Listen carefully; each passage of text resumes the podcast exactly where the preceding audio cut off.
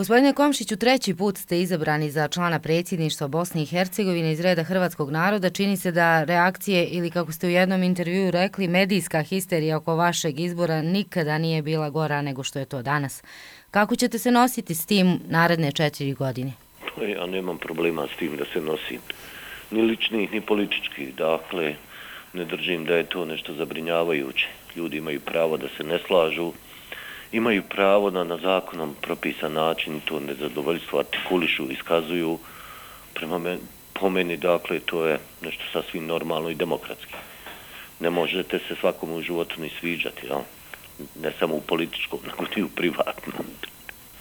Zabrinjava li vas što su evo na skupu u Mostaru koji je organizovan protiv vašeg izbora u Bosansko-Hercegovačko predsjedništvo, mladi ljudi rekli kako vi niste njihov predsjednik, odbili su i e, inicijativu koju ste kao novo izabrani član predsjedništva imali, a to je da ured koji je u Mostaru otvorio još uvijek aktuelni član predsjedništva Dragan Čović ponudite na korištenje zajednički studentima sa oba univerziteta u Mostaru. Pa meni je žao što su oni odbili tu inicijativu, na, napokon taj prostor je mogao služiti nečemu koristom. Ali kad neće, pa nećemo i siliti, jel? A, to da oni tvrde da ja nisam njihov predsjednik u redu, kažem, demokratski je to govoriti. Nije u tome ništa problema, da oni moraju shvatiti da sam ja formalno pravno i Draganu Čoviću sam, čak sad predsjednik. Zabrinjava li vas što je riječ o mladim ljudima? Pa ne zabrinjava me, pa kažem, mladi i stari, sve jedno, što god ljudi misle imaju pravo da to iskažu na zakonom propisan način. Koliko ja znam, to su iskazali upravo na zakonom propisan način i to je njihovo pravo. To je toliko običajeno u svim demokratskim zemljama, ne znam zašto bi kod nas bilo čudno.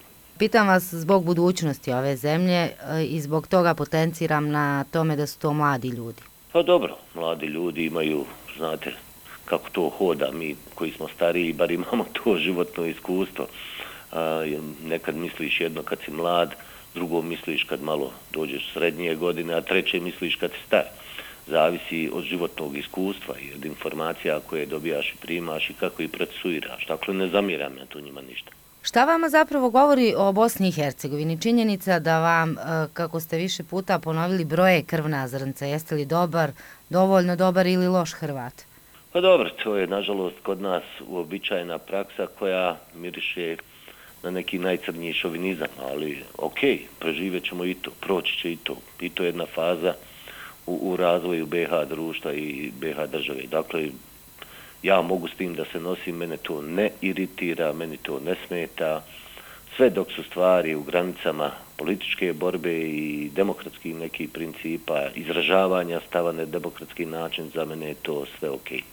U više gradova sa hrvatskom većinom proglašeni ste personom non grata. Hoćete li otići u ta mjesta? Da li bi voljeli razgovarati sa tim ljudima?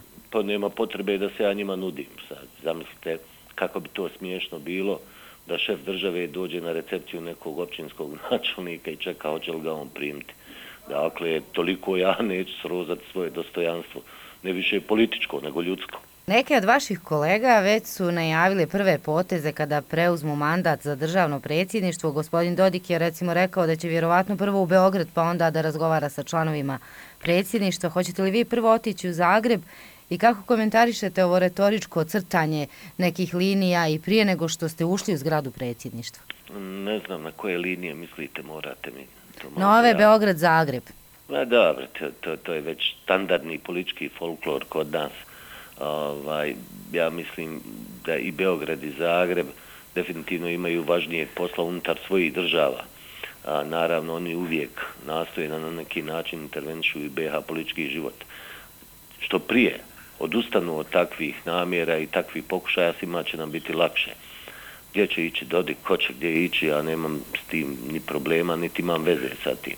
Znam samo da je posao predsjedništva Bosne i Hercegovine precizno definisan ustavom i određeno nam je šta da radimo i, ka, i način na koji to radimo. Hoće li Dodik ići u Beograd, Zagreb, Prištinu, Tiranu, ne znam, nemam pojma, to je njegova stvar. Kako ćete riješiti odnose prije svega sa Hrvatskom, tačnije ljudima koji su u toj državi na vlasti, ukoliko imamo na umu da je vaša izjava za Hrvatsku radio televiziju da Bosna i Hercegovina ima pravo da tuži tu državu zbog Pelješkog mosta, tamo izazvala buru reakcija? To je pravo Bosne i Hercegovine i to se naravno možda ne svidi zvaničnom Zagrebu, ali naše je to pravo po svim standardima međunarodnog javnog poredka. Dakle, ne vidim šta je sporno, ja nisam rekao da će doći do toga, ali kažem da to možemo, imamo pravo na to. Dakle, ja bih volio da zvanični Zagreb se ipak okrene razgovoru sa Sarajevom, da ne moramo ići toliko daleko. U prethodnim mandatima ste se oštro suprotstavljali nekim političkim strukturama iz Srbije. Moje pitanje je kako ćete sarađivati s aktuelnim predsjednikom Srbije Aleksandrom Vučićem, budući da Bosna i Hercegovina sa tom državom ima otvoreno pitanje prije svega državne granice. Ima i sa Hrvatskom. Dakle, ja ću učiniti sve da dobro sarađujem sa svakim. Ja ne želim bilo kakvu vrstu niti konflikta, niti zategnutih odnosa, ali neke stvari se moraju poštovati. Mora se poštovati ova zemlja, moraju se poštovati njene granice, mora se poštovati naše dostojanstvo, kakvi god da smo. mi poštujemo i Hrvatsku i Srbiju i zapravo očekujemo isto od njih. Ako bude takvog stava, ako to bude takav nastup i takav odgovor iz Zagreba, iz Beograda, sarađivat ćemo odlično, vjerujte. Evo govorimo o regionalnoj politici. Kakav će biti vaš stav o još jednom otvorenom pitanju priznanju Kosova?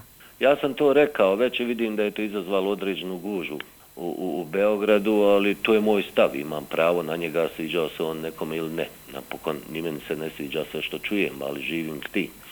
A, Bosna i Hercegovina s obzirom na konstituciju predsjedništa Bosne i Hercegovine neće sigurno priznati Kosovo, ali e, Bosna i Hercegovina ima obavezu bar da nešto umeđu vremenu uradi kako bi olakšala komunikaciju naših državljana i građana i Kosova kad već Srbija je to uradila, nema nikakvog razloga da mi to ne uradimo. Ali očigledno ovdje u Bosni i Hercegovini ima mnogo ljudi, pogotovo u politici, koji bi da budu čak veći katolici od samog papi. Činjenica je da se u prethodnom mandatu državnom predsjedništvu osjećale su se duboke podjele. One su se odražavali na vanjsku politiku Bosne i Hercegovine, što je jedna od nadležnosti predsjedništva. Mislite li da možete da utičete na to da se se više ne dešava da imamo evo, javne diplomatske skandale članova predsjedništva makar? Ja vam kažem, ja sam spreman da sve učinim da se to ne dešava. Dakle, ali granice finog ljudskog ponašanja, diplomatskog ponašanja moraju postojati. One važe kako za mene, tako i za drugi. Ako se držimo tog pravila, onda stvari mogu ići na jedan pristojan način. A ako neko hoće da bude skandalozan u bilo kom smislu, onda kako ćete ga vi spriječiti u tome? Ne možete ga zaustaviti. Ali ne očekujem da ćemo ići valjda baš tako daleko da pravimo cirkus, pogotovo u drugim glavnim gradovima od sebe. Molim vas, ja sam imao priliku da radim u dva mandata u predsjedništvu. Nisu to bile lagane situacije. Nije to bilo sjajno u smislu da vam je dogovor zagarantovan, da su postupci zagarantovani, da se možete osloniti, ali uspjevali smo recimo da tu izvedemo na dosta pristojan način, čak kad se i ne slažemo. A, pogotovo nismo pravili nikakve ekscese iz scene kada je riječ o nastupima u inostranstvu ili kad smo nas trojica zajedno. Trudili smo se da pazimo u inostranstvu kad smo sami šta ćemo reći da ne bi izazvali negativne reakcije u Bosni i Hercegovini. Dakle, moje iskustvo je da se u predsjedništvu Bosne i Hercegovine može raditi bez obzira na potpuno suprotne političke stavove, potpuno suprotne poglede kakva ova zemlja jeste i kakva treba da bude. Ako je riječ o normalnim ljudima. Ali ako imate, eto, da ne upotrebim tešku riječ, ekscesne likove, onda svašta možete očekivati. Ja znam da meni nije u interesu da takav budem, nego bi naprotiv u interesu da budem i pristojan i kolegijalan i nastojaću tako da se ponašam. Ali ako neko bude išao na eksesan način, onda otprilike može očekivati da mu se tako i odgovori. Jel? Evo, pomenuli ste kompromise. Vjerujete li da novoizabrano predsjedništvo Bosne i Hercegovine može da, za razliku od prethodnog, postigne konsenzus o važnim pitanjima koja vas očekuju u četvorogodišnjem mandatu? Ja bih to želio. Ja hoću da budem optimista, ali kako da vam ja garantujem? Mogu garantovati samo za svoje ponašanje. Da ja sam vas pitala, vjerujete li? Pa evo, kažem, želim da vjerujem želim da vjerujem. Ja mogu garantovati samo za svoje ponašanje, ali način funkcionisanja predsjedništva i način donošenja odluka o predsjedništvu je takav da vas gotovo prirodno upućuje na neku vrstu konsenzusa i dogovora. Da li će neko iskakati iz takvog načina rada, ko to može garantovati? Mogu garantovati samo za sebe. Smeta li vam što vas nazivaju bosanskim patriotom? Ne smeta mi, mada ja jesam građanin ove zemlje, moja, ovo je moja domovna, ja je volim, nemam druge patriota ili ne, patriotizam se iskazuje na milion načina. Patriotizam se ne mora iskazivati samo u politici, pogotovo ne samo u predsjedništvu. Možete to iskazivati u svakodnevnom životu načinom na koji se obhodite sa svojim E, sugrađanima, sa svojim prijateljima, kako se odnosite prema svemu oko sebe. I to je jedna vrsta patriotizma. Evo pitanje za kraju jednom od prethodnih mandata ste tadašnjem premijeru Srbije Vojislavu Koštunici poručili, citiram, da prste drži dalje od Bosne i Hercegovine jer bi mogao dobiti po prstima i po nosu. Takva vaša poruka iz državnog predsjedništva te 2007. godine tumačena je na različite načine, no jedna od njih bila je i da takav manir nije diplomatski. Znači, pitanje je jeste li deset godina kasnije veći diplomat? Možda sam samo mudri, ali ponovio bi svakome ko nastupi, ako se već sjećate, kako je do toga došlo, jer nije ta izjava meni izletila sama od sebe ničim izazvana. Dakle, otprilike rekao ja to ili ne rekao, otprilike isto važi za svakog onoga ko dira Bosnu i Hercegovini. Gospodine Komšiću, hvala vam lijepo za ovaj razgovor. Hvala i vama.